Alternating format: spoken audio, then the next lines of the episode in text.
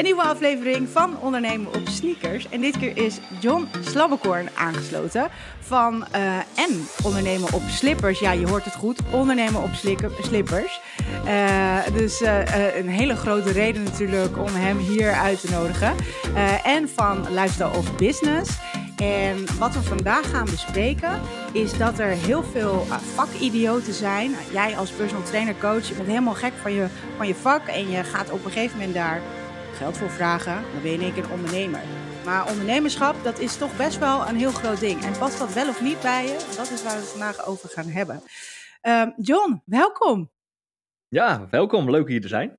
Ja, leuk, leuk, leuk. Hey, um, wat is uh, even in het kort handig om te weten van jou of van jou en Jeanette, want je runt het bedrijf samen. Um, ja. Waarvan de trainers dan denken van, ah, oké, ik moet hier zeker even blijven hangen, want die gast die heeft best wel wat boeiends te vertellen. Ja, ja, ja, ja, daar kan ik nu gelijk heel veel kant op gaan, maar gezien het publiek zal ik de essentie eruit halen. Um, mijn naam is John, John Slabbekorn, mede-eigenaar en coach binnen Lifestyle of Business. En de hoofdpropositie van wat wij doen binnen Lifestyle of Business is ondernemers helpen die nu nog vooral vakman zijn, dus heel veel zelf doen, laten doorgroeien naar de leider in hun bedrijf, zodat ze uiteindelijk meer misbouw worden. Dat is het hele idee. Waarom wij dit doen en waarom het eigenlijk dus ook interessant is voor jou als luisteraar om hier naar te blijven luisteren, althans, dan vul ik dat maar even in met mijn bescheiden mening. uh, wij, hebben dit zelf, ja, wij hebben dit zelf allemaal doorlopen. Als in, het is niet dat we dit allemaal uit een boekje hebben geleerd. Nee, wij hebben dit zelf allemaal doorlopen. En daarnaast hebben we de afgelopen zeven jaar een shitload geïnvesteerd in onszelf, in tijd en vooral geld in coaching om te kunnen wat we kunnen. Maar wat vooral interessant is om te weten, Jeanette, mijn vrouw en businesspartner, die, uh, die is altijd ondernemer geweest. Die had eerst een paardenbedrijf. Zij, uh, in een notendop, ze viel een keer van een paard af. Ze klap, klapte op haar stuitje. Haar rugwervel die drukte in elkaar, waardoor er een ruggenwervel ja, soort van afbrak. Dus haar rug was gebroken. Dus die business was om zeep. En dat was eigenlijk de eerste keer dat wij dachten, of eigenlijk vooral Jeanette, oh, als je business vooral afhankelijk is van één persoon, in dit geval Jeanette, die ook nog eens alles doet en overal verantwoordelijk voor is, en er gebeurt zoiets als dit, is je business om zeep. Want Jeanette die lag daar in het ziekenhuis met een corset om, half nog onder de morfine, klanten af te bellen, facturen te betalen, eh, afspraken verder af te zeggen. Ja, toen zag zij in, hey, dit nooit weer. In de tussentijd was je net al in opleiding om diëtist te worden. Was ze bijna afgerond. En vanuit die diëtistenpraktijk openden wij thuis een eigen sportschool. Zou je kunnen zeggen. Meer een boutique-achtige gym. Dat uh, gewoon besloten drie mensen per keer, personal training. Dat deed ik niet, maar dat deed Jeanette. Maar in die tussentijd uh, waren Jeanette en ik zelf ook zeer fanatiek al aan het trainen, aan het bodybuilden. Wij deden zelf een paar wedstrijden. Genetisch niet goed onderlegd, dus ik ben er ook maar weer mee gestopt. Maar we bouwden wel een heel bikini fitness atletenteam op.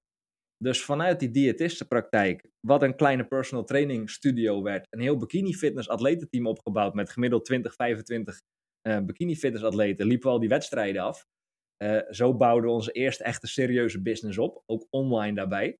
En van daaruit zijn we doorontwikkeld tot wat we vandaag de dag doen. Dat is een beetje een notendop. Oh, wauw.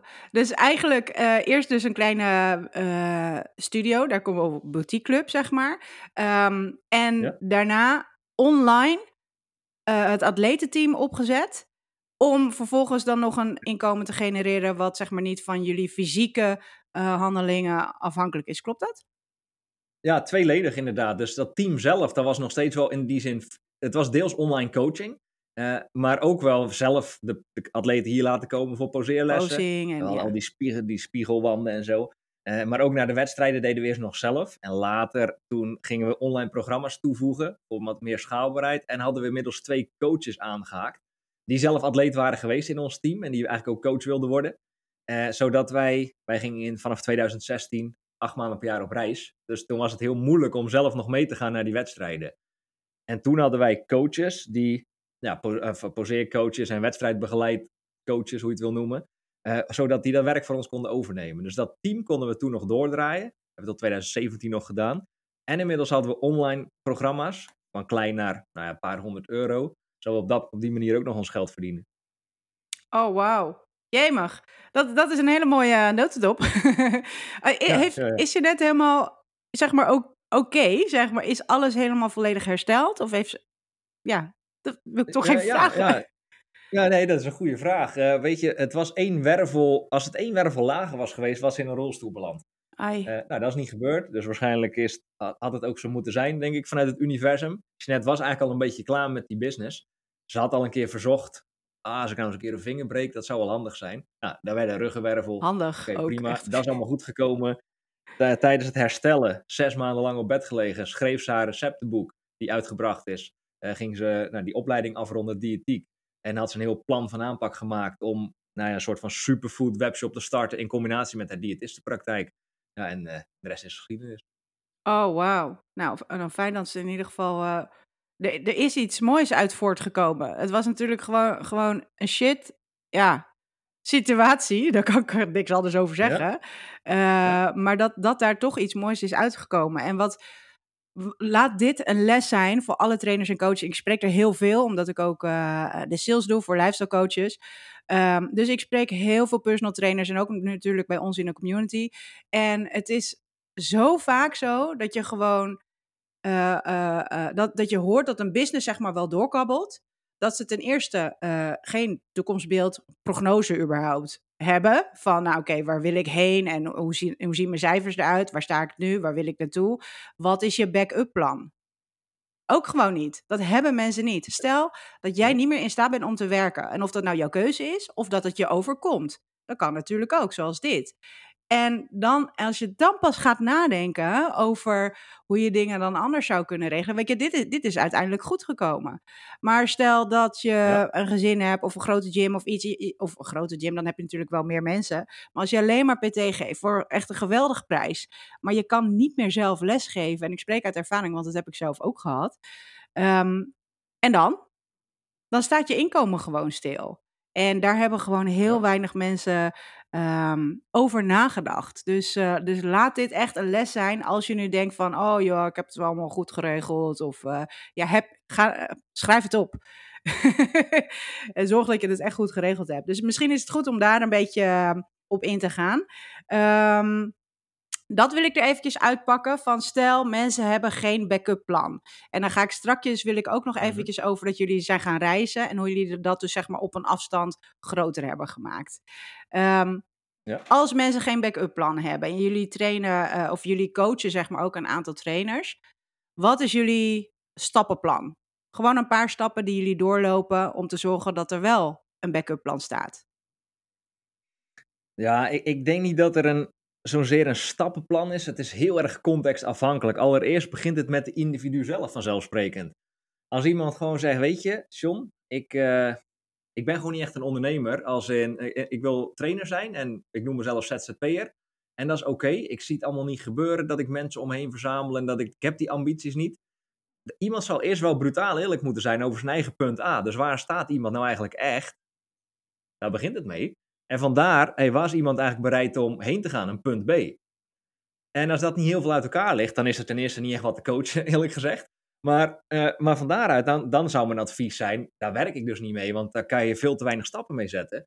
Maar als dat de conclusie is, hey, iemand die niet echt wil groeien, ja, dan is het zo goed mogelijk een prijs vragen, omdat je zorgt dat je competent genoeg bent. Een shitload aan geld binnenharken, heel plat hoor dit shitload geld binnenharken. Goed met je geld omgaan, als in echt goed verspreiden. Als in, hey, kijk of je vastgoed kan aankopen. Kijk of je goud, zilver, aandelen, crypto's. Je geld gewoon voor je laten werken. Om zo snel mogelijk een financieel vrije toekomst te creëren. Want dat is hoe je uiteindelijk je risico's dan kan spreiden. Stel, net als je net, je breekt de ruggenwervel, je kan dat niet meer doen. Ja, dan heb je in ieder geval nog geld ergens staan wat voor je aan het werk is. Ja. Oh, dit is niet echt een, een, een heel lekker advies in die zin. Maar als je nu voor jezelf concludeert, hey, ik luister deze podcast, ik ben zeer niet ambitieus. Waarom luister je dan deze podcast? Maar stel dat het zo is, ja, dan zou dit mijn advies zijn.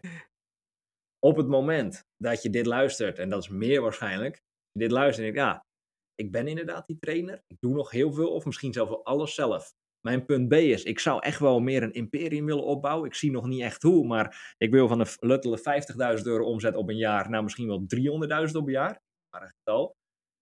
Ja, dan zal het spel echt opnieuw uitgevonden moeten worden. En wat wij dan doen in onze coaching, als je toch een soort van stappenplan zou willen hebben als je dit luistert. Um, het is eerst zal, breng ik mensen in contact, als ik van mezelf spreek, met hun eigen interne werelddialoog. We hebben allemaal een reptiele brein. De meeste trainers zijn in ieder geval bekend met het fenomeen reptiele brein. ons oudste deel van onze hersenen, die eigenlijk maar twee functies heeft. Jou beschermen tegen de dood. Dat is een goed iets. En alles willen houden op de plek waar we nu staan. Dat snapt, dan weet je ook, oh, die stem in mijn kop, ja, dat ben niet ik. Als in, hey, die stem, dat, dat is gewoon een verhaal. En dat kan ik aan de kant zetten. Daar begint het mee. Want waarom zijn de meeste ZZP'ers eigenlijk nog steeds ZZP'ers? In de basis, omdat ze elke vorm van verandering proberen aan het vermijden zijn. Dus daar zullen we eigenlijk best... contact moeten komen. Eh, sorry dat ik je onderbreek, maar dan heb je dus over verandering. Uh, en, en, zij willen dan blijven waar ze zijn. Maar wat doen zij met hun klanten? Uh, proberen gedragsveranderingen, uh, proberen dat voor elkaar te krijgen en dat in stand te houden. Dus wij zeggen ook altijd wel, het is gewoon heel belangrijk om uh, niet alleen maar te adviseren en mensen te laten coachen, maar laat jezelf verdomme ook coachen en investeer daar ook in. Weet je, dat, daar kan ik af en toe echt zo scheidziek van worden. Sorry dat ik het zeg zo, maar hè, het, het is als jij zeg maar een prijs gaat vragen voor jouw coaching, dan moet je in ieder geval eh, ja, je moet, je, je, moet helemaal niks, maar ervoor zorgen dat je jezelf gewoon gedegen opleidt en blijft ontwikkelen. Maar aan de andere kant, laat jezelf ook coachen. Anders dan vind ik eigenlijk persoonlijk dat je dat niet kan vragen van andere mensen. Nee, nee. Zo in onze wereld is gewoon een uitspraak: een coach zonder een coach is hypocriet. Ja. Bam. ja, meer, kan ik er, meer kan ik er niet van maken. Dat is wel wat het is. Ja, de, de, tijd waarin we vandaag leven, en dan ga ik zo verder met mijn vrouw met nog een paar praktische stappen. Maar de tijd waarin we vandaag leven, hey, er zijn uh, meer coaches dan dat de bomen zijn ongeveer tegenwoordig. Dat is niet normaal. Uh, mijn ene is nog beroerder dan de ander. Uh, excuus dat ik het zeg, maar dat is wel mijn observatie van de afgelopen zeven jaar. Uh, en, en, dan heb je de coach die de coach coacht om de coach te coachen. En het model is vaak heel simpel. Ze kunnen net niks. En daarom is dat zeg maar de doelgroep. En dan, hey, weet je wat je moet doen? Je moet gewoon hoge prijzen vragen. Als je hoge prijzen vraagt, is er wel een bepaald commitment. En dat is dan een beetje het idee. Ja, dat is, dat is natuurlijk niet hoe het werkt. En dan ga je, ga je doorvragen. En dan, ja, die coaches hebben vaak... Of ze hebben wel een coach in de vorm van een bullshit coach. Of ze hebben een keer een weekendseminar gevolgd of zo. Maar dat is het dan ook wel. Ja. ja, daar zou ik heel hard van wegbewegen. Maar dat was even een, uh, een persoonlijke frustratie tussendoor. Nou ja. Dan zijn we het in ieder geval met elkaar eens. Oké, okay, reptielebrein, daar hadden we het over. Uh, ja, Dus, uh, dus je, wilt, je, wilt, je, je, wilt eerst wel echt heel eerlijk kijken. Dus inderdaad, elke coach en trainer doet dit in principe op zijn of haar manier met zijn eigen cliënten. Maar je wilt het ook bij jezelf doen. Hoe vaak ik niet heb gehoord, dan ben ik in een eerste intakegesprek, salesgesprek, hoe je het wil noemen. En dan, hey, ben jij ben je bekend met het reptiele brein? Ja, ja, ja, zeker. Ik zeg, oké, eh, vertel eens in eigen woorden wat het is. Ja, dan komt er een of ander vaag antwoord. Nou, ik leg het je wel even kort uit. En, ah ja, ja. Nou, en dan weet je al, ze pakken het wel een beetje, maar oké. Maar je wilt dus eerst in contact staan met die eigen stem in je kop. Als je dat al niet kan, is, zijn alle andere praktische stappen namelijk zinloos. Want het reptiele brein vindt er altijd wat van. Die neemt het altijd over. Van daaruit, ik ben ook een boek aan het schrijven as we speak. En eh, de eerste twee hoofdstukken van mijn boek is ook letterlijk dit. Het eerste hoofdstuk gaat hierover, die stem in je kop. En het tweede hoofdstuk, is gelijk het tweede belangrijke punt. Dat is eigenlijk heel bewust zijn van de positie waar je uitkomt. Oftewel de identiteit, de rol die je aanneemt in elke situatie opnieuw. En die ga ik uitleggen. Je kan eigenlijk, je moet je zo voorstellen, mensen denken dat ze, mensen die helemaal nieuw zijn met de materie, die denken dat ze één en dezelfde persoon, persoonlijkheid zou je kunnen zeggen, hebben. Dus om te zien, hey, ik ben dezelfde John, s en s avonds. Uh, vanochtend, uh, op het moment van opnemen, ging ik met, met Jeanette en onze zoon Jason, gingen we schoenen voor hem kopen. En we gingen even planten voor in de tuin kopen. Ja, dan kom ik vanuit de positie, ik ben de beste partner en de beste vader die je kan zijn. Want waarom zou ik de best mogelijke coach willen zijn of zo op dat moment? Dus dit is een beetje hoe het werkt. Gewoon eigenlijk, je verklaart wie je moet zijn in elke situatie. Nu ik met jou in dit interview zit, verklaar ik mezelf vooraf, ik ben de beste geïnterviewde persoon um, die deze podcast ooit gehad heeft. Of zoiets. Ik denk vrij groots, maar het is, wel, ja, het is wel wat werkt. In ieder geval voor mij. En ik kan straks nog wel praktisch uitleggen hoe je dit kan trainen. Maar hier begint het wel mee. Hoe je dat kan vertalen naar de coach of de trainer die denkt: hé, hey, maar oké, dit snap ik. Hoe werkt dit in mijn business? Ook hierin, je zou elke keer opnieuw moeten kijken, maar hey, wie ben ik op dit moment eigenlijk aan het zijn? Dus op het moment dat jij, weet ik, in een salesgesprek zit, heel praktisch, je zit in een salesgesprek en je hebt nog plek voor één cliënt of zo, maar je weet eigenlijk, het wordt wel tijd om prijzen te verhogen. En je zit daar en dan weet je, ik moet deze persoon nu eigenlijk uh, weet ik veel, in, plaats van 1000 euro voor een traject, 2000 euro voor een traject vragen. En dan zit je daar En op het moment dat het eruit moet komen, je hebt het nog nooit gedaan, dan is dat reptiele brein aan het ratelen. Kan je dat wel maken? Volgens mij heeft die persoon ook niet zoveel geld. Da, da, da, da, da. Dat moet je aan de kant zien te zetten. Maar vooral, hey, vanuit welke positie kom je op dat moment? Als een, hey, ben ik die kleine bange jongen die dat eigenlijk helemaal niet, niet durft te vragen? Of ben ik gewoon die badass ondernemer die gewoon vraagt voor wat hij waard is? En dit is het verschil. Dit is het verschil tussen eigenlijk de, de, de rol die je aanneemt in elke situatie. Dus die twee dingen, als je het terug zou willen brengen in een stappenplan, hey, merk gewoon die stem op die er altijd is. Zet hem aan de kant.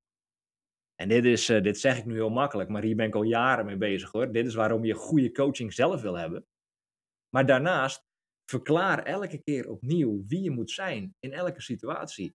Dus je neemt gewoon de hele dag door verschillende rollen aan. Dat is het hele idee. Dus dat zijn mijn twee eerste stappen die niet eens super praktisch zijn, maar uiteindelijk begint het hiermee. Want alle Oh, stappen nou. die we nu hierna gaan bespreken, Ja. eh, die werken alleen maar als deze eerste twee geïmplementeerd worden. Anders Nou, ik, ik, ik wil er wel eventjes bij stilstaan, want ik vind het wel heel erg tof. Ehm, eh, we komen dan zelf uit de wedstrijdwereld. En eh, nou, ik, ik weet niet hoe, hoe jij dat podium op ging stappen. maar ik had echt zoiets van, ik pak jullie allemaal in. Ik had al gewonnen in mijn hoofd, al, al 10.000 keer. En, en met zo'n ja, met zo'n energie stap ik het podium op. En eh, wat er om me heen gebeurt, geen flauw idee. Want het gaat om mij. Weet je, dat, dat is zeg maar. En, en jullie moeten allemaal naar mij kijken. De rest is helemaal niet boeiend. Dus ik wist ook daadwerkelijk niet wat er om mij heen gebeurde. Of wie mijn ja, concurrenten waren, zeg maar. Eh, Ik had vaak gewoon geen flauw idee. En dat zijn de wedstrijden die goed gingen. Maar op het moment dat ik helemaal onzeker was en, helemaal, en ik zat er niet in, dan komt dat er ook niet uit. Want je moet jezelf wel verkopen. Je kan echt, je kan echt een prachtig fysiek hebben, maar op het moment dat je het niet kan verkopen, eh, en dat is hetzelfde eigenlijk, kan je helemaal kopiëren naar de personal trainers en coaches. Op het moment dat jij echt fantastische coach bent, maar je kan het niet verkopen, ja, Ja. zonde. Weet je, dus dat, eh, dat, is, dat is best wel een dingetje. Ik heb wel een voorbeeld nog om dit praktisch te maken. Eh, dat, dat, mensen ook, of dat mensen ook zeggen, oh ja, dit, nu snap ik het inderdaad. Het was eh, 2017. Wij waren eh, altijd op reis op dat moment. Eh, we zaten op Mauritius. We waren net een beetje aan het shiften van rol binnen het bedrijf. Jeanette was eerst heel lang het gezicht en die haalde de business binnen en ik deed eigenlijk alles op de achtergrond. Jeanette die, nou ja, die wilde het eigenlijk niet meer zo. Die wilde meer op mij kunnen leunen in plaats van andersom. Want ik kom vanuit een loondienstbaan en dus zeg maar tot 2015 was het heel traditioneel. Mannelijk-vrouwelijk balans. Ik verdiende het geld. Eh Jeanette kon haar business verder opbouwen. Ik stopte met mijn baan. Ik kwam bij Jeanette in de business in 2016. Toen waren de rollen omgedraaid. Nou, dat hebben we zo anderhalf jaar gedaan om het verder op te kunnen bouwen. Dan hebben mensen een klein beetje context. Maar toen was het 2017. Hadden we besloten, ik ga meer op de voorgrond. Ik ga ook eigen trajecten. Toen nog als consultant, meer adviseur en niet als coach. Nogal interessant om dat verschil een keer uiteen te zetten straks misschien. Maar ik denk, eh, oké, hey, ik moet, eh, dan moet ik ook mijn trajecten gaan verkopen. Maar ik had dat nog nooit gedaan. Ik had nog nooit iets in mijn leven verkocht, bij wijze van spreken. Dus ik had ook niet de competenties. Maar ik had ook niet het vertrouwen dat ik het kon. Dus ik zat Ja. daar in Mauritius en ik was inmiddels, wij werden al een tijdje gecoacht, dus ik snapte al hoe die principes werkten. Met dat reptiele brein, met de identiteit. Dus ik zat daar, bakwarken, zeker in die tijd, s s'avonds, tien uur, bakwark eten van de eiwit, goedenacht. Zat ik daar een beetje met mijn voet in het zwembad, zo naar de sterren te kijken. Ik denk, oh ja, als ik echt een badass wil worden in sales, moet ik eigenlijk twee dingen doen. Ik moet competent worden, dus ik moet het vak gaan leren, zo simpel. Net als een personal trainer ook het vak leert om personal trainer goed te kunnen doen. Maar ik moet ook gaan geloven, en nu komt het, ik moet ook gaan geloven dat ik het kan. Dat ik iets kan verkopen. Ik wist inmiddels wel dat ik inhoudelijk als consultant sterk was. Zoals de meeste personal trainers inhoudelijk ook wel weten dat ze goed zijn in hun vak. Ik denk, oké, nou dat, dat, leren dat was niet zo moeilijk. Ik zag wat trainingen, Jordan Belfort en dat soort gasten. Ik denk, hé, hey, die hebben goede cursussen, goede trainingen. Dat ga ik gewoon tot me nemen, dat ik in ieder geval een framework heb. En dan ga ik dat in actie brengen. Maar goed, daar zit nog wel tussen iets leren en het in actie brengen, daar zit ook nog wel iets. Bijvoorbeeld een stem in je kop die in de weg zit. Dus ik zit in dat zwembad, aan dat zwembad en ik begin gewoon te verklaren. Ja, Ik ben de beste salespersoon die deze wereld ooit gezien heeft.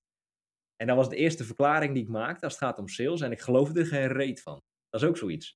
Ja. Dan zeg je dat tegen jezelf, maar dan komt dat, dat stemmetje, die interne werelddialoog. Nee, het slaat nergens op. Je hebt het nog nooit gedaan. Wie denk jij wel dat je bent? Waarom zeg je dit? Ja, en dat wil je aan de kant kunnen zetten. Dus ik bleef me dat verklaren. Elke dag opnieuw. Maar enkel dat verklaren, dat is nog steeds te weinig. Want dan wordt het een truc. Dat kan je alleen maar kracht bijzetten door het in actie te brengen. Dus ja, toen ben ik ook gewoon mensen gaan werven, gewoon gesprekken gaan regelen. En toen ben ik het gaan doen. Letterlijk voor het gesprek was ik best wel zenuwachtig hoor, de eerste paar keer dat ik dit moest doen. Uh, gewoon verklaren, oké, hey, ik ben de beste salespersoon die deze wereld ooit heeft gezien. Ik ben voor de persoon die tegenover me zit. Uh, ik ben een absolute salesstijger, whatever mijn statements ook maar waren in die tijd. En zo ging het gesprek in. Net als dat jij het podium opging, hey, ik vreet iedereen op hier. Ik ben gewoon de beste, iedereen moet naar mij kijken. Dat is daar wel mee te vergelijken. En zo ging het in. En het allereerste gesprek wat ik toen voerde, was een traject voor letterlijk 3000 euro. Toen verkocht ik nog dat soort trajectjes voor één op één. En uiteindelijk, uh, uh, nou, die persoon zei nog ja ook. Fenomenaal. Dus het werd wel gelijk kracht bijgezet als in, zie je wel, ik ben ook echt die salestijger. Heerlijk is dat. Ja, je, je kan, eh, weet je, we kunnen zo, denk ik nog wel, to ik heb best wel veel van dit soort momenten gehad dat ik mezelf niet oké voelde en, uh, en me dus mezelf moest gaan verkopen of een presentatie moest geven of wat dan ook. Uh, dat was nog aan een, aan een groep ja, profvoetballers. Ja, ik voelde me echt niet oké. En toen heb ik gewoon echt een half uurtje, toen ik daarheen reed, heb ik mezelf helemaal opgepept gewoon. Ik had, uh, ik had een jurkje aangetrokken, niet, niet te kort, maar ik had, ik denk, ja, weet je wat, ik kan wel gewoon lekker op mijn sneakers gaan en een broek aantrekken. Nee, jurkje, laars aan, hup, haarnetjes. Dat, dan voel je jezelf al anders. En toen heb ik gewoon echt de tijd genomen om mezelf helemaal op te peppen. Dus ik kwam daar ook helemaal high aan, zeg maar. Uh, en uiteindelijk, je, je kan gewoon zoveel met je mindset. Daar kan je echt zoveel mee doen. Als, als je, of jij je self-talk, zeg maar. Maar dat, maar dat is allemaal trainen. Leuk. Leuk, leuk, leuk. Ja. Oké, okay, um, nummer drie. Dus, dus die rol en de identiteit, zeg maar. En dan? Ja, ja uh, van daaruit wil je gewoon eigenlijk weer opnieuw terug naar... Oké, okay, maar wat wil ik nou eigenlijk echt? Mijn punt B. Dat, het is altijd een vrij mannelijke benadering hoor. Maar ja, je hebt gewoon een doel nodig. Heel simpel gezegd. Je moet weten waar ben ik eigenlijk aan het heen werken. Uh, ik zou in de tijd waarin we nu leven geen vijf jaren plannen meer opzetten of zo. Ja, een keer over nadenken. Maar de wereld verandert zo snel. Dus kijk eerst maar eens gewoon hey, het eind van het jaar. Wat wil ik eigenlijk überhaupt het eind van het jaar veroorzaakt hebben? Dat, dit is, klinkt zo simpel. Dat is het eigenlijk ook. Maar het valt me op hoe weinig mensen dit doen. Ja. Heel veel zelf, vooral trainers, die eigenlijk in de waan van de dag leven, eigenlijk wat te druk zijn. En die nemen hier de tijd niet voor om nou eens te uit te zoomen. Om eens zeg maar aan hun bedrijf te werken. Die kijken dan eens terug op de afgelopen maand, of nog erger. Ze vragen een boekhouder: hey, hoe is het eigenlijk gegaan afgelopen kwartaal? Of hoe is het eigenlijk gegaan het afgelopen jaar? En dan uh, zegt die boekhouder: Ah, is best wel oké. Okay. Ah, je hebt het goed gedaan hoor. Ja, je hebt uh, 70.000 euro omgezet en uh, ja, je hebt een paar 10.000 euro winst. En dat is dan wat een boekhouder goed vindt. Nee, nee, je wilt controle zelf over ja, je eigen doelen en je eigen getallen nemen. Daar begint het mee. En van daaruit wil je dat het liefst eigenlijk nog wat stretchen. Dat het echt oncomfortabel voelt. Dat je echt denkt, oeh, dat weet ik niet. Twee ton dit jaar. Ik heb nog nooit meer dan een ton gedaan. Hoe ik dat ga doen, ik heb nog geen enkel idee. Maar misschien zal ik dan of een trainer erbij aan moeten haken. Of trajecten moeten gaan verkopen voor een dubbele prijs. Zodat die anders gewaardeerd gaat worden of zo. Maar daar begint het. Coaching is niks anders dan onderscheid kunnen maken. Distincties kunnen maken. Ja. Dus als je weet, oké, de snelste weg van A naar B is nog altijd de rechte lijn. Maar wat de meeste mensen doen, die, of ze gaan in een zigzagpatroon. Vooral heel veel trainers. Dan hebben ze een paar uh, goede maanden met heel veel cliënten. En dan uh, zakt alles daaromheen weer een beetje af. Nou, dan stoppen er weer wat mensen. En dan denk ik, oh, ik moet weer even wat nieuwe business genereren. Dus dat heeft niks met een rechte lijn te maken van A naar B. Nee, die zigzag hele tijd. Of nog erger, de worstelende trainer en de worstelende coach. En die zijn er zoveel ik heb wel eens de statistieken gehoord, volgens mij 80 of 85 procent van de coaches en trainers, die kunnen amper rondkomen. Die zitten eigenlijk onder bijstandsniveau hun werk te doen. Je zou kunnen zeggen, die zitten niet op een rechte lijn. Die zitten ook niet in een zigzagwereld, maar die zitten gewoon in een cirkelwereld. Oh, een hond zo. die zijn staart achterna loopt. Ja, ja, ja, een hond die zijn staart achterna loopt. Ze doen een keer wat, uh, dat lijkt dan te werken, maar een maand of twee of drie later of twee weken later zijn ze weer exact op hetzelfde punt. Zoveel trainers gezien in de afgelopen jaren die doen dit jaar in, jaar uit. Het is al elk jaar een beetje rondom hetzelfde omzet- en winstniveau. Ze hebben een partner nog nodig om überhaupt rond te kunnen komen. Dus terug naar, oké, elke keer opnieuw, waar sta ik nu? Kop uit het zand halen. De meeste mensen van die struisvogelpolitiek hè, doen gewoon hun kop in het zand. Ze kijken niet naar hun cijfers, want ze zijn geen ondernemers. Althans, Ze komen nog vanuit de positie, ik ben een trainer en geen ondernemer. Dus ze zullen zichzelf moeten gaan zien als ondernemer. En ze zullen dus vooruit moeten gaan kijken. En daar zullen ze een plan van aanpak voor moeten maken. Dat is eigenlijk de eerste echte stap. Ja, een plan van en dit, eh, dit, dit komt ook zo vaak voor. Ik vind het heel leuk hoe je het uitlegt over die zigzag en de worstel en het cirkeltje. Um, uh, want hier zullen heel veel trainers zich wel in herkennen. Of eigenlijk een beetje meer van, oh, oeps, confession. een beetje dat idee. Maar uh, als je dit weer terugkoppelt naar jouw eigen klanten, jouw PT-klanten die bij jou komen voor coaching en begeleiding, dan zie je deze vormen, zie je ook bij die klanten naar voren komen. En wat adviseer jij als coach? Precies. Um, nou ja, als ik, um, ik werk nu met een duo, dat zijn twee broers. Die zijn ooit gestart, jaren geleden, um, met bootcampjes. Gewoon heel klein, toen werden ze uh, personal trainers. Nu hebben ze een, een grote gym inmiddels met ook meerdere medewerkers. Dus je zou kunnen zeggen, die staan misschien nu op het punt waar veel van deze luisteraars van deze aflevering wellicht ooit heen zouden willen werken. Het is nog niet, het, heeft één vestiging en we gaan waarschijnlijk de komende jaren naar meerdere vestigingen werken. Maar het is nog goed te overzien. Grote gym, een beetje uitgebreid. En nu had ik, en dit is een prachtig voorbeeld trouwens. Gisteren sprak ik weer met één, ik spreek ze om de week. De ene week de ene broer, de andere week de andere broer. Echt in één op één coaching. En ik spreek met de ene die, ze hebben een rolverdeling. Nou, de ene van de twee. Ik zal geen namen noemen, want uh, in die wereld, uh, iedereen kent elkaar een beetje. Ja. Uh, die is meer de leider van het bedrijf. Dus die heeft meer de visie, de strategie. En gisteren sprak ik meer met de vakman, om zo te zeggen. Die ook nog vooral trainer is. Maar ook de manager. Dus het is een combinatie. Hij is manager en trainer. Dus ik zeg, laat me Freek noemen, zo heet hij niet. Praat makkelijker. Oh, Freek, je geeft aan dat je, dat je een beetje druk bent de laatste tijd. Dingen die wij bespreken, dat je daar niet echt aan toe komt. Hoe komt het eigenlijk? Hoeveel mensen train je zelf op dit moment nog? Ja, 35 uur per week. Wow. Uh, ik zeg, uh, uh, 35 uur. Dus je hebt 35 mensen die je een uur traint per week. Eh, ja. Ah, werk je 100 uur of zo? Want je bent ook de manager, je hebt meerdere mensen lopen. En je, je hebt ambities om nog het een en ander verder... Ja, oh, en om nog verder door te groeien. Ja, ja, ja. Zeg, wat staat je in de weg om tenminste te stoppen met de helft van die personen of zo? Ja, en nu komt het.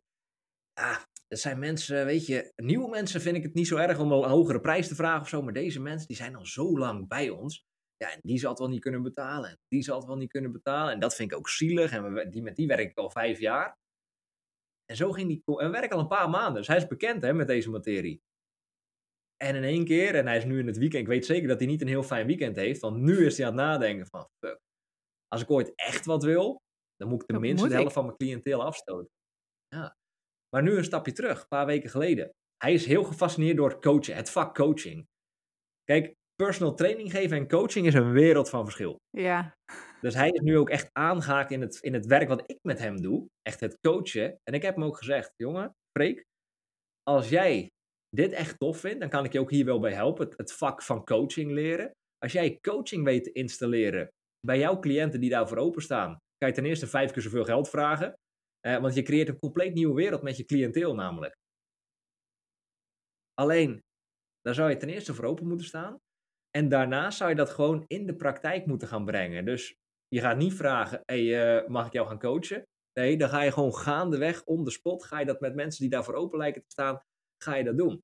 En dan ga je in één keer zien, dan ga je jouw cliënten in kunnen laten zien in wat voor cirkels ze zelf aan het draaien zijn. En dan ga je je cliënt in laten zien dat zij exact hetzelfde doen als wat jij ook aan het doen bent. En jij begint dat voor jezelf beter te zien. Dat kan je gaan installeren in jouw cliënteel. Waardoor je straks uiteindelijk met de helft van de mensen, of misschien helemaal kunnen stoppen, maar met de helft van je mensen nog meer kan verdienen als vakman.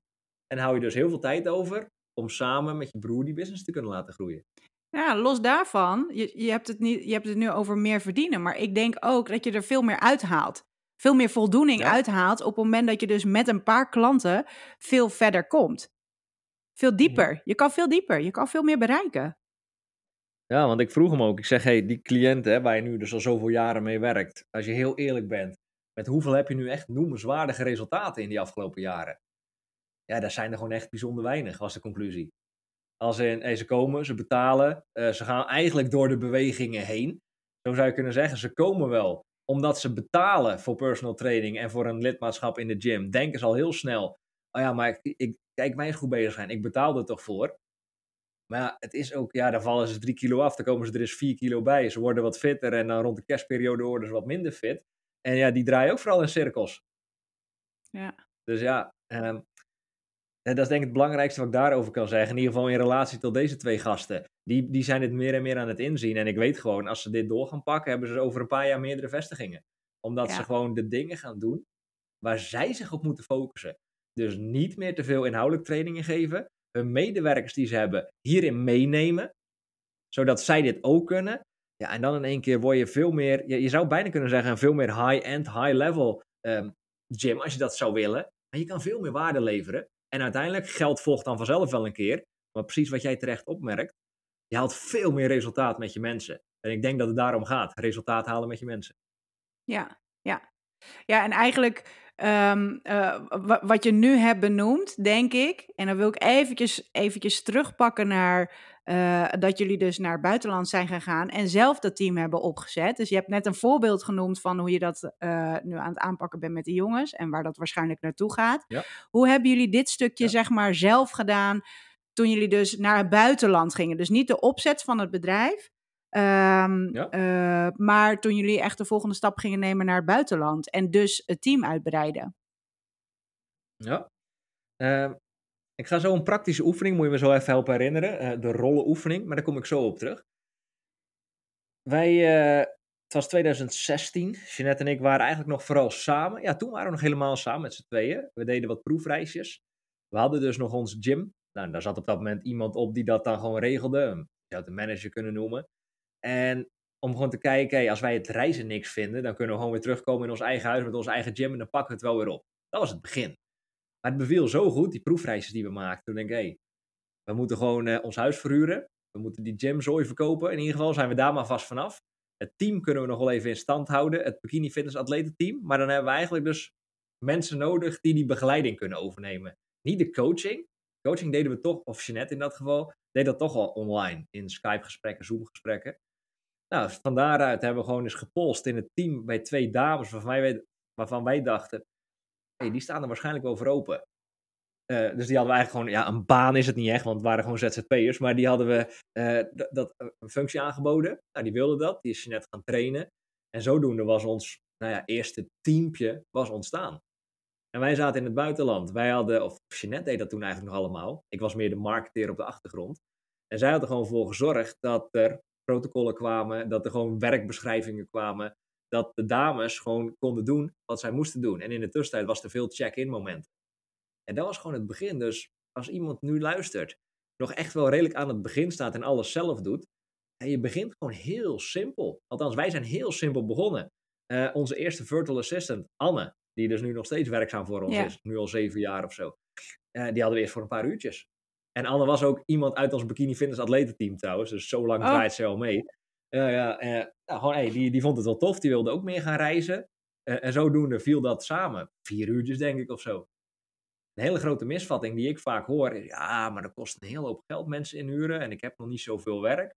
Nee, dit soort assistentrollen, om gewoon eerst eens wat, wat papierwerk of zo je het wil noemen, social media werk, e-mails beantwoorden, dat kan al heel makkelijk iemand voor je overnemen voor een paar uur per week, voor een paar tientjes per uur. En daar begint het, daar begon het met ons. Toen zijn we door, doorontwikkeld. Uiteindelijk, lang verhaal kort, ehm, gym verkocht. Bikini Fitness atletenteam, onze hart lachte niet echt meer. Het was een hoop gedoe. En weet je, we kregen steeds meer vragen richting business gerelateerde coaching. Door wat wij allemaal lieten zien. Door de ervaring die we zelf al hadden. Dat hebben we afgestoten. We hebben een uitverkoop gedaan van ons uh, ja, hele Wolf coaching tak. Ook van de online programma's. Daar zijn we gewoon mee gestopt. Toen was Lifestyle of Business nog kickassleven.nl. Een hele Oh. schattige naam. Maar hey, ja, je, ja, je probeert dus wat en je ontwikkelt door. um, maar dat was, ja, wij, wij waren altijd op reis. Wij denken, hey, wij hebben een kick-ass leven. Nou, dan maken we gewoon kickassleven.nl en kickassbusiness.nl. We kregen steeds meer vragen. Joh, John en Jeanette, jullie hebben een ogenschijnlijk tof leven. Um, een business die voor je werkt. Je kan dat doen vanaf de mooiste plekken op de wereld. Dat was toen nog iets minder hip dan dat het vandaag de dag is. Kan je ons daarbij helpen? Gevalletje vraag en aanbod. Wij hadden zelf al coaching en we investeerden toen ook al veel in coaching. Dus toen hebben we die transitie langzaam maar zeker gemaakt. En toen kwamen we erachter, oké, als we dit weer door willen laten groeien, ja, dan hebben we weer, weer nieuwe handjes nodig. Weer nieuwe mensen nodig om ons heen. En dat hebben we elk jaar, tot vandaag de dag, hebben we dat steeds opnieuw zo bekeken. En dan kom ik, hebben we bekeken wie we nodig hadden en daar zijn we Mhm. mensen voor gaan zoeken. Zodat wij uiteindelijk, en zo kom ik bij die rollenoefening, de taken doen, de zogenaamde 1000 euro per uur taken, die ga ik zo uitleggen, eh, Ja. waar het echt een verschil gemaakt kan worden voor ons. Ja. Wat ik vaak uitleg, want ik heb het idee dat jij eh, graag praktische dingen hebt hier voor je Ja, luisteraars, en ja, dat ga ik nu vertellen. Eh, er bestaat zoiets als de rollenoefening. Die naam heb ik zelf bedacht, maar het is een hele simpele oefening, de rollenoefening. Bijna met iedere cliënt waar ik of één op één mee werk nieuw, of in onze ondernemersopleiding MBA op slippers, doe ik die ook regelmatig. Ik zeg, breng nu eens in kaart. Nou, ik leg hem gewoon helemaal uit voor de luisteraar, dat werkt het beste. Pak een A4, of whatever voor papier, en je trekt Mhm. drie strepen. Het maakt dat je vier kolommen hebt. Ja. In de linker kolom schrijf je alle rollen, alle taken, alle functies die er nu zijn binnen je business. Allemaal. Nou, als je nu een nog maar net gestarte ZZP'er bent die wat personal training geeft, is het niet zo'n grote lijst. Als je al wat langer bezig bent, is de lijst al wat langer. Maar dit gaat echt al tot aan het e-mails beantwoorden, social media inplannen. Als je een vestiging hebt, wc schoonmaken. Ik kan het zo gek niet bedenken. Gewoon alles. Alles. Breng je in kaart. Van daaruit heb je kolom 2. Je zou kunnen zeggen dat is je punt A. Dan ga je dus in kolom 2 de naam schrijven wie nu verantwoordelijk is, of eigenlijk wie nu die bepaalde taak uitvoert. Dit is een pijnlijke oefening voor veel mensen. Wij doen hem nog steeds een paar keer per jaar ook zelf. Ja. Want dan ga je dus zien, oh hey, het is een echt best wel een lange lijst, in ieder geval bij ons inmiddels, met alles Ja. wat er moet gebeuren in de business. En dan ga je in één keer zien je eigen naam. Nou, de meeste vakmannen of vakvrouwen, die gaan, je, weet, je voelt hem aankomen, Ja. 90 of 95% van de tijd zien ze hun eigen naam staan. Nou, dat is bewustwording en confronterend. Dan heb je kolom 3, dat is eigenlijk punt B. Wie of wat, en wat bedoel ik een systeem of een, eh, ja, een tool die dingen kan overnemen. Zeker in de tijd waarin we nu leven, het hoeft niet allemaal meer door mensen te gebeuren. Wie of wat zou het eigenlijk moeten doen? Daar wil ik wel bij zeggen, want dit kan nogal een reptiele brein triggeren, zo'n gesprek met jezelf. Dat Oh moet ja, ik doen. Dit, dit, dit, doe ik al. Ja, dit doe ik allemaal zelf, maar ja, dit, is ook, dit kan ik ook zelf het beste. Eh, Ja. ja, en ik ken ook geen mensen. Nee, nee, nee, niet dat. Niet dat. Je hoeft het ook allemaal niet direct uit te voeren. En als je nog niet een naam hebt, dan zeg je: Oké, eh, dit moet eh, een freak gaan doen, of dit moet een X gaan, X gaan doen, of een Y of een Z. Oh, hey, een boekhouder, dus hey, bonnetjes, boekhouding, je eigen naam. Oh, dat zou een boekhouder kunnen gaan doen. Dan is het gewoon de functie. Maar het is puur uit je hoofd op papier om bewustwording te creëren, inzicht te creëren. En dan komt de vierde en de laatste kolom, die heb ik als laatste toegevoegd, maar die vind ik, die vind ik echt goud. Daar zit zoveel waarde in voor jezelf. Dat is de kolom, daar zet je een 10, 100 of 1000 euro neer. Dat is de zogenaamde 10 euro, 100 euro of 1000 euro per uur taak. En dan ga je ook gewoon heel eerlijk invullen. Dus bijvoorbeeld, eh, en 10, een 25 euro taak is ook een 10 euro taak. Dus even voor Ja. het voorbeeld. Ja. Dus dan zie je bijvoorbeeld als je een gym hebt en de wc's moeten worden schoongemaakt. Ja, als we heel eerlijk zijn, dat is een 10 euro per uur taak. Als we bijvoorbeeld zien eh, boekhouding. Nou, boekhouding is misschien een 100 euro per uur taak. Maar zichzelf respecterend trainer en coach, die moet dat niet gaan zitten doen. Die moet zich focussen op 1000 euro per uur taken. En nu komen er ook stemmetjes bij mensen. John, wie verdient 1000 euro per uur? Het gaat even om, eh, het, gaat even om het voorbeeld. Die, die gasten waar ik nu mee werk, het voorbeeld dat ik net vertelde van Freek, die liet ik dit ook opnieuw inzien toen ik hem gisteren sprak. Want ik vroeg, hey, die 35 uur training per week, zeg, wat, eh, wat is dat waard? Per maand. Hij zegt, ja, dat is best wel wat van onze omzet per maand. Ik zeg, hoeveel dan? Ja, dat weet ik niet. Ik zeg, nou, daar, daar ga je al, je hebt geen Ja. inzicht. Hoeveel is het per uur waard? Ja, ongeveer 50 euro per uur. Ik zeg, dat meen je niet. "Eh, ja. ja, 50 euro per uur. Man, oh man, dan ben je 35 uur in een week bezig voor 50 euro per uur. Zijn op zich normale personal trainingstarieven, zou je kunnen zeggen. Kan wel meer. Maar ik zeg, zou jij met de skills die je al hebt opgebouwd in de kennis de afgelopen 10 jaar en het hele imperium wat er al staat, zou je ook meer waard kunnen zijn? Als in, zou je jouw tijd ook anders kunnen verkopen? Nou, ik denk het eigenlijk wel. Want hij is ook bezig met een bepaalde app en zo. En dat kan, nou ja, 10.000 euro's per uur gaan opleveren als het even gaat lopen. En toen in één keer klikte het. Zoals dat bij heel veel mensen in één keer klikt op het moment dat ze het voor hun neus hebben liggen op papier. Dat zegt nog niet dat het makkelijk is. Zeker niet. Daar moet heel veel werk gebeuren om dat te kunnen realiseren. Maar het begint altijd opnieuw uit je hoofd op papier. Dat is een, een uitspraak die ik vaak gebruik. Om bewustwording te creëren. Want in je hoofd creëer je niks anders dan een hoop ellende. Dus dit alleen maar proberen in je hoofd te bedenken doet niks. nou ja, en dit ook weer. Weet je, om, om het gewoon elke keer uh, uh, die, die, die koppeling te maken, die, die vergelijking te maken. Je vraagt ook bij jouw klanten. Uh, stel je wil met voeding, stel voeding is een onderdeel van de coaching die je doet of de begeleiding die je doet, dan zeg je ook, nou schrijf eventjes op wat, wat eet je nu? Hoe, hoe, hoe zien je dagen eruit? Hoeveel beweeg je? Hoe, hoe slaap je? Hoe, weet je, dus dat soort dingen, dat laat je mensen ook allemaal opschrijven. Of in ieder geval, ze moeten tegen je zeggen, en jij schrijft het op. Uh, ook prima.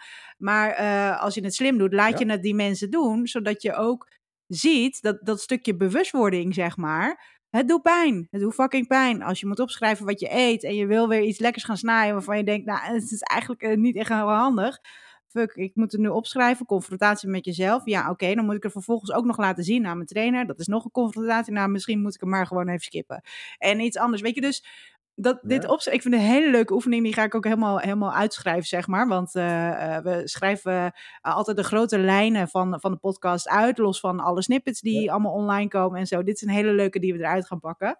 Um, ja. Die confrontatie is zo, zo, zo enorm belangrijk. Dus uh, tof dat je, dat, dat je dit zeg maar zo doet. En het is zo simpel. Eigenlijk. Ja, ja maar dat is het. Wij hebben een huisquote, die staat uh, overal op onze website, een banner op het kantoor. En die quote luidt als volgt. In de basis is alles simpel. Jij bent degene die het ingewikkeld ja, maakt. Mensen zijn... zodra je daarmee stopt, krijg je een leven en een business zoals je wil. Ja, ja gaaf. En daar is het. Ja, ja, ja. Um, Um, ik, ik, mag ik? Ja, tuurlijk. Hey, het is jouw show, maar ik wil eigenlijk nog één ding aanvullen ja. die heel belangrijk is voor de, eigenlijk voor iedereen relevant, maar zeker de meer worstelende trainers en coaches. Ja. Uh, is de distinctie die ik nog even wil maken, die, die kan echt alle verschil maken voor iemand namelijk. Uh, want ik heb al eerder verteld, hè, in coaching het is niks anders dan uh, onderscheid kunnen maken. Hoe ik dat vaak uitleg bij mensen is, hey, als je geen onderscheid kun, kan maken tussen een deur en een muur, en dan loop je altijd tegen de muur aan. dus je ziet, hey, je hebt een deur en je hebt een muur. Ja, dat, dat is in, in het werk wat wij doen ook niet heel veel anders. In dit geval heb je een distinctie, een onderscheid tussen de zogenaamde noodzakelijk vereiste acties, oftewel kernacties, en aan de andere kant de meer oppervlakkige acties. Als je nu luistert en je voelt je toch redelijk aangesproken als zijn, ja, ik ben redelijk worstelende coach, trainer, consultant. Als en ik kan aardig rondkomen, maar ook niet echt meer dan dat. Het blijft altijd een gestruggle ga gewoon eens heel eerlijk kijken. Hoeveel echt noodzakelijk vrijste acties ben je aan het doen? Of ben je stiekem misschien toch veel door de bewegingen heen aan het gaan? Wel heel druk, want dat is het vaak. Hè? Heel de dag bezig. Heel de dag bezig en aan het eind kunnen zeggen: ben heel, dag, ik ben heel druk geweest. Ja, ik heb geen resultaat. Ik ben wel heel druk geweest. Ja, ik heb ook geen tijd gehad om die, klant, die potentiële cliënt op te bellen. Ja, ik heb ook geen tijd, om, uh, ja, geen tijd gehad om die marketingactiviteiten te doen. En dan ga je kijken, en dan ga, doe ik ook vaak in de coaching, en dan ga ik ook opschrijven. Oké, vertel eens. Hoe, heb je, hoe heeft je dag eruit gezien dan? Wat heb je allemaal gedaan? En dan, oké, maar als je heel eerlijk bent, van al die taken die je nu hebt gedaan, als je weet wat de definitie van een oppervlakkige actie is, een actie die je heel de dag door zou kunnen doen, je wordt er ook niet echt moe van en het voelt vaak nog wel een soort van nuttig. Denk aan website teksten blijven aanpassen of zo. Kan je best prima voor jezelf goed praten, maar als je nu eens gaat kijken, wat zijn eigenlijk oppervlakkige acties geweest? Ja, en dan zie je dat misschien toch 80% van de acties die ze hebben gedaan, die goed voelden op het moment, oppervlakkig waren. En als ze dan die bullshit gaan skippen, en ze gaan in één keer alleen nog maar focussen op die paar acties die echt het verschil gaan maken, bijvoorbeeld toch gewoon die 10 mensen opbellen om te kijken of ze wat kan verkopen, wat dan wel het meest oncomfortabel is, maar als ze dat in één keer wel gaan doen, en dan is het resultaat. Dus zoveel mensen die nu struggelen, die zouden letterlijk per direct kunnen besluiten om niet meer te struggelen. Maar goed, dan is het wel handig als ze daar goede begeleiding in hebben, want anders komen ze hier nooit uit. ja, ja ik, ik, heb het, ik heb dit vaker, je hebt dit vaker in de podcast, uh, hier heb je het ook vaak over. In de podcast, de noodzakelijk vereiste ja. acties. Ik, ik herkende hem meteen. Je, echt, die moeten jullie ook echt gaan luisteren. Ja, maar, maar... Uh, even kijken, de podcast is dan gewoon zelf de Ondernemen op Slippers podcast. Klopt dat? Waar je dit soort dingen ook in deelt? Nee, nee, nee. Of is het Lifestyle nee, of Business? Nee, de Lifestyle of Business podcast. Oh, wel Lifestyle of Business. De Lifestyle of Business. Ja, ja. Oké, cool. Dus die zeker even gaan volgen en luisteren. Want je, je deelt, uh, je hebt afleveringen die wat langer zijn. En, en vaak ook samen met Jeannette. Of tenminste toen de tijd toen ik het heel veel luisterde. Uh, en je hebt toen ook een tijdje uh, heel veel kleine tips. Die heb je toen via Instagram volgens mij ook opgenomen. Dat je eventjes live ging en ook allemaal van die kleine tips. Die, ja. die kan je daar ook. Ja, dus dat top. is echt, echt super handig als je niet zoveel tijd hebt. Omdat je elke keer bezig bent met die oppervlakkige acties. Dan kan je dat tussendoor even doen. Ja, dat is mooi. Ja, ja, ja. Uh, um, Goed om dat er af en toe even in te wrijven. ik ik uh, maakte altijd een verschil in, uh, oké, okay, welke acties leveren mij direct omzet op? Of dat je richting omzet gaat. En dat is inderdaad die telefoon oppakken. Maar dat, weet je, dat, Ja. En- ja, dat, dat is ook wel iets. Het is heel oncomfortabel, tenminste in het begin. Uh, maar als je daar gewoon de juiste structuren ook voor hebt neergezet en weet hoe je, hoe je de dingen moet gaan verkopen en hoe je leads moet gaan opvolgen en gewoon het hele salesproces, dan wordt het op een gegeven moment gewoon hartstikke leuk. En geloof ook voor jezelf. Uh, en daar hebben we het dan toen straks over gehad met die, uh, met welke rol zit je, dat mensen beter af zijn met jou dan zonder jou. Weet je, dat, dat is echt wat je gewoon in je hoofd moet prenten. Wat ben je anders van coach? Maar goed, dat, Ja. dat, dat denk Ja, ik maar, wel. maar, maar, maar dat is het, ja. Ja, ja, ja. Ja. Heel leuk. Um, wil je hier nog iets over vertellen? Of nee, dit, dit was wel duidelijk, denk ik. Hè? Die noodzakelijk. Uh... Nee, nee, het Ja, ja, ja, cool. Um, nog even iets anders wat ik, wat ik erbij wil pakken is, uh, jullie gingen alle taken toen jullie dus naar, uh, naar buitenland gingen en het team ja, gingen uitbreiden en die mensen zeg maar gingen opleiden zodat alles bleef lopen, hebben jullie ook dingen uitgeschreven. En um, ik denk dat dat ook een hele goede basis is, want je hebt hier die, rol, uh, die oefening, zeg maar, met die rollen. Van nou, welke taken die, uh, doe ik nou eigenlijk? En als je wil gaan uitbreiden, is het zo belangrijk om die taken dan uit te gaan schrijven. Um, zodat als jij wegvalt, terugkomend op dat backup plan, dat andere mensen in staat zijn om die taken over te nemen. Um, Ja, zou je ja. daar wat, wat, wat ja, in grote lijnen, zeg maar, een aantal tips, hoe zou je dat doen? Um, wat een mooie uitspraak is. Uh, ik heb hem hier op mijn kantoor altijd liggen. Um, ik heb hem zo even niet bij de hand. Maar ik, je hebt het misschien wel gemerkt. Ik uh, vertel graag verhalen zodat dingen beter blijven landen bij mensen. Maar een uitspraak die me altijd is bijgebleven, die komt uit het boek The E-Myth trouwens. Dus um, iedereen die dit luistert, dat boek The E-Myth Revisited, die wil je sowieso lezen. Daar zijn ook de, van vakman doorgroeien naar leider in je bedrijf is daar ook uitgekomen, als ik heel eerlijk ben. Maar die schrijver van het boek The E-Myth, die zegt ook, um, je, je, moet zo zien, je business bestaat uit systemen. Dus ik geef even iets meer context, ja. dan, dan landt het iets beter. Je business bestaat uit systemen. En als je weet dat je business uit systemen bestaat, dan wil je eigenlijk vooral dus focus op het bouwen van die systemen. En ik, ik maak hem nog iets breder zelfs. Je business, want ik denk dat mensen dit leuk vinden om te horen. Uh, eigenlijk bestaat je business hoofdzakelijk uit maar drie systemen. Overkoepelend gezien. En bestaat uit veel meer kleine systeempjes. Maar ik hou ervan om dingen zo simpel te maken dat je bijna niet meer kan falen om het te gaan uitvoeren.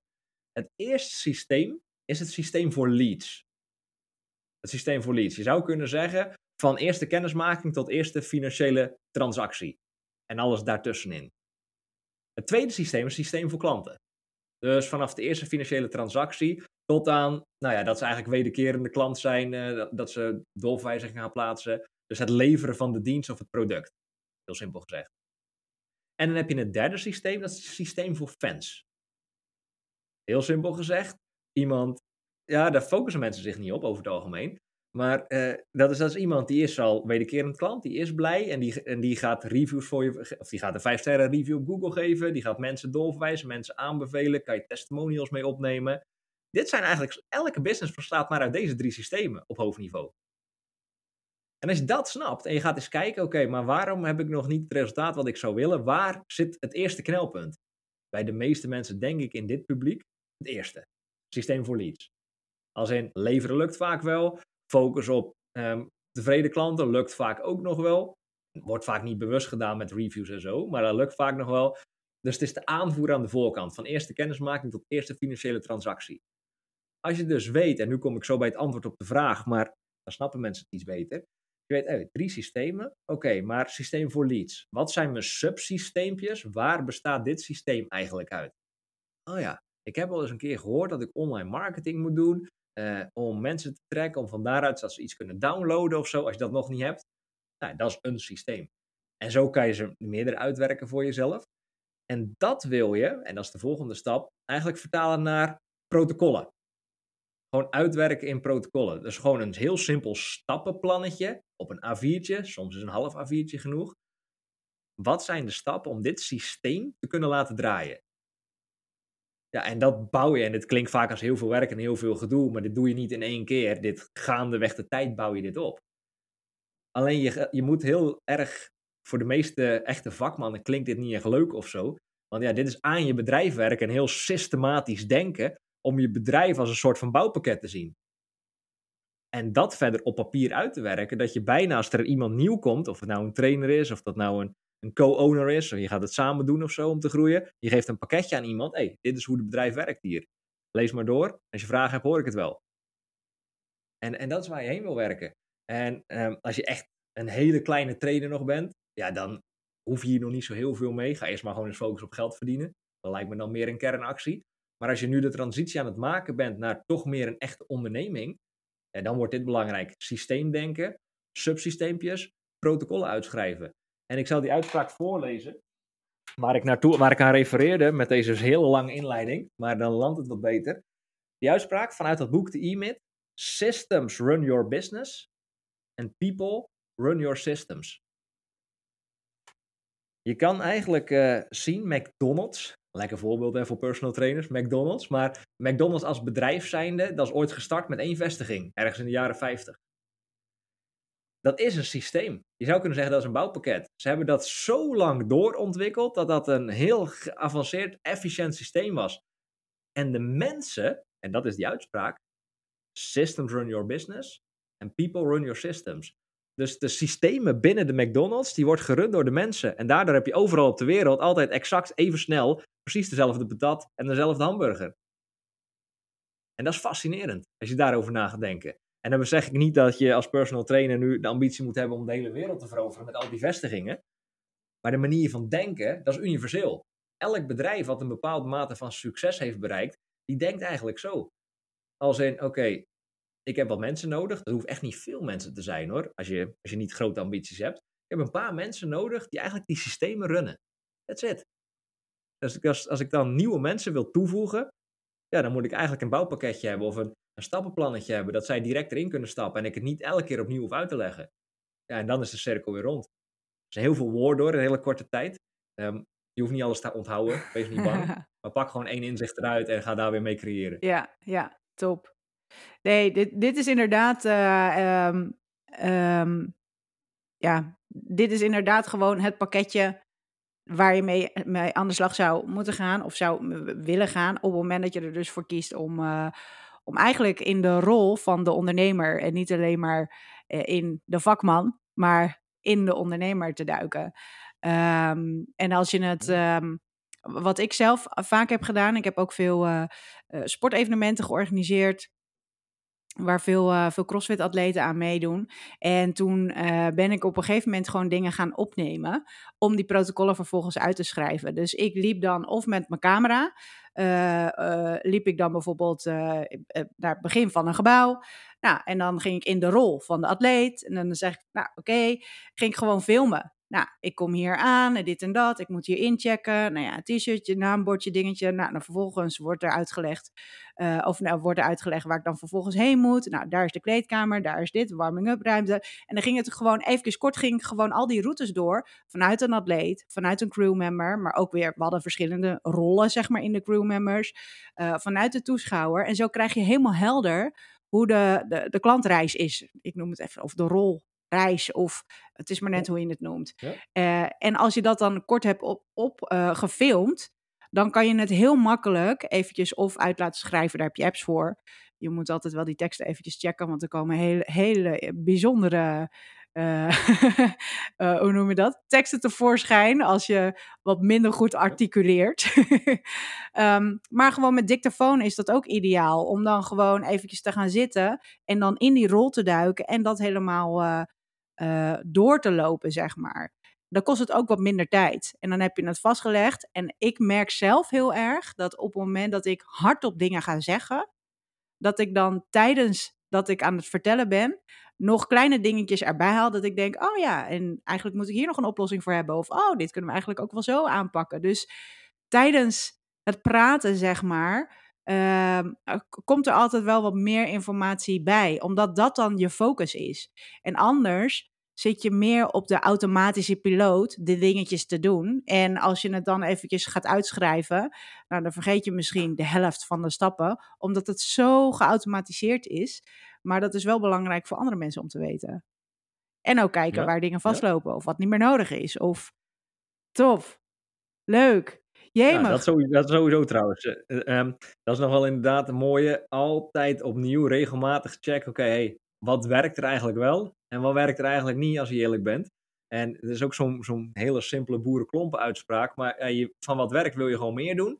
En van wat niet werkt wil je minder doen of meer stoppen. Ja. Zo simpel is het toch? Ja, ja, ja, exact. Tof. Nou, jemig, we hebben echt, uh, we hadden een heel kort voorgesprekje, uh, maar ik denk echt wel dat we een heleboel uit hebben gehaald. Veel praktische dingen en uh, daar ben ik altijd dol op. De luisteraars zijn daar ook altijd dol op. want het is niet alleen maar belangrijk om te consumeren, maar ook om te produceren. Niet alleen zelf, zeg maar, produceren als in, in actie te komen. Want op het moment dat je alles maar in je systeem hebt zitten, maar je doet er niks mee, ja, dan, dan heb je er geen fuck aan. zeg je altijd een beetje, je moet er wel iets mee gaan doen. Maar dat, maar dat is het. En kijk, wat ik ook altijd zeg, dit soort podcasts is allemaal leuk, vaak motiverend, inspirerend. Pak gewoon één, misschien twee inzichten eruit uit zo'n sessie en ga daar gewoon direct mee aan de slag. Ja. In plaats van nu direct door naar de volgende podcast, webinar, online training, whatever. Eén of twee inzichten. Als je elke week één of twee inzichten weet te implementeren vanuit dit soort uh, eigenlijk gratis content, hey, dan zou ik nog steeds aanraden om goede coaching in te schakelen. Maar als je toch geen geld hebt of zo, je vindt dat spannend. En je gaat een heel jaar lang focussen op één, twee inzichten implementeren vanuit dit soort gratis content. Hey, dan ben je al veel verder dan dat de meeste mensen ooit zullen komen. Ja, zeker. Nou, dat is een hele mooie. Daar wil ik mee afsluiten. Um, waar kunnen mensen jullie vinden als ze denken van, nou, hier wil ik echt wel wat meer van, uh, van weten. Of misschien is die wel geïnteresseerd in een coach traject. Ik weet het niet. Um, waar kunnen mensen jullie hmm. vinden? Ja, ja we zijn uh, all over the place. Uh, onze website, dat is lsob.nl, de afkorting van Lifestyle of Business. Dus lsob.nl. En op Instagram, waar, waar ik vrij actief ben, dat is uh, lifestyleofbusiness.nl. En als je gewoon mijn naam intypt in Google, John Slabbekorn of Jeanette Wolf, dan kom je ook altijd overal uit. Want uh, als ik dat zelf wel eens doe, dan zie ik overal foto's en video's van onszelf. Dus als je ons echt wil vinden, dan komt dat altijd wel goed. Ja, je hebt je sporen, jullie hebben jullie sporen nagelaten. heel, heel, heel goed, heel goed. We zetten het natuurlijk ook even in de show notes. Uh, en... wat, wat, ik, wat, wel, wat, wat ik wel wil vertellen, dat is denk ik wel een goede, um, om het ook wel concreet af te sluiten. Uh, wij hebben een, een test, gewoon een gratis test ontwikkeld, uh, twee jaar geleden denk ik, onze van vakman naar leider test. Die vind je direct op onze website lsob.nl. Gewoon eerste knop aanklikken. Twee minuutjes de tijd. En als je dus dan die test in hebt gevuld, dan zie je precies waar de knelpunten in jouw business nu zitten. Maar dan krijg je gelijk een gepersonaliseerd rapport. Dat is zeg maar een heel systeem dit. Um, dat je echt denkt, holy shit, hoe weten ze dat allemaal? En dat gaat allemaal binnen een, een split second. 17 pagina's lang, gewoon helemaal gratis. En daar staat precies in, eigenlijk alle vier belangrijke pijlers die wij altijd teachen binnen een bedrijf. Dan zie je precies, oh, dit is mijn grootste knelpunt. Nu raden ze aan om eerst hiermee aan de slag te gaan. En daar staat dan ook direct content voor klaar. Of het nou een podcast is, of een video, of een blogartikel. Um, dat is denk ik het meest concrete stap. Gewoon die test even doen en dan zien waar jij mee aan de slag moet gaan. Ja, leuk. Um, ik ga die link die ga ik gewoon uh, ook in de show notes uh, delen. Want dan kunnen mensen daar, uh, hoeven ze niet na te denken. Up, gewoon meteen link, eventjes die test doen. Ik ben heel benieuwd. Ik ga hem ook doen. ik ben heel benieuwd. leuk, leuk, leuk. Hey, um, onwijs bedankt voor je tijd en alle inzichten en praktisch toepasbare tips en tricks die we hebben gekregen. Uh, we gaan die test eventjes doen. En uh, nou ja, wie weet spreken we elkaar weer op een, uh, een andere aflevering of zien we elkaar op een evenement of iets. Ik wil jullie heel veel succes wensen met jullie business uiteraard. En uh, nou, voor de luisteraars, bedankt voor het luisteren. Uh, over twee weken hebben we weer een hele mooie podcast. En ik zou zeggen, geniet van je dag, maak er iets moois van en enjoy your day.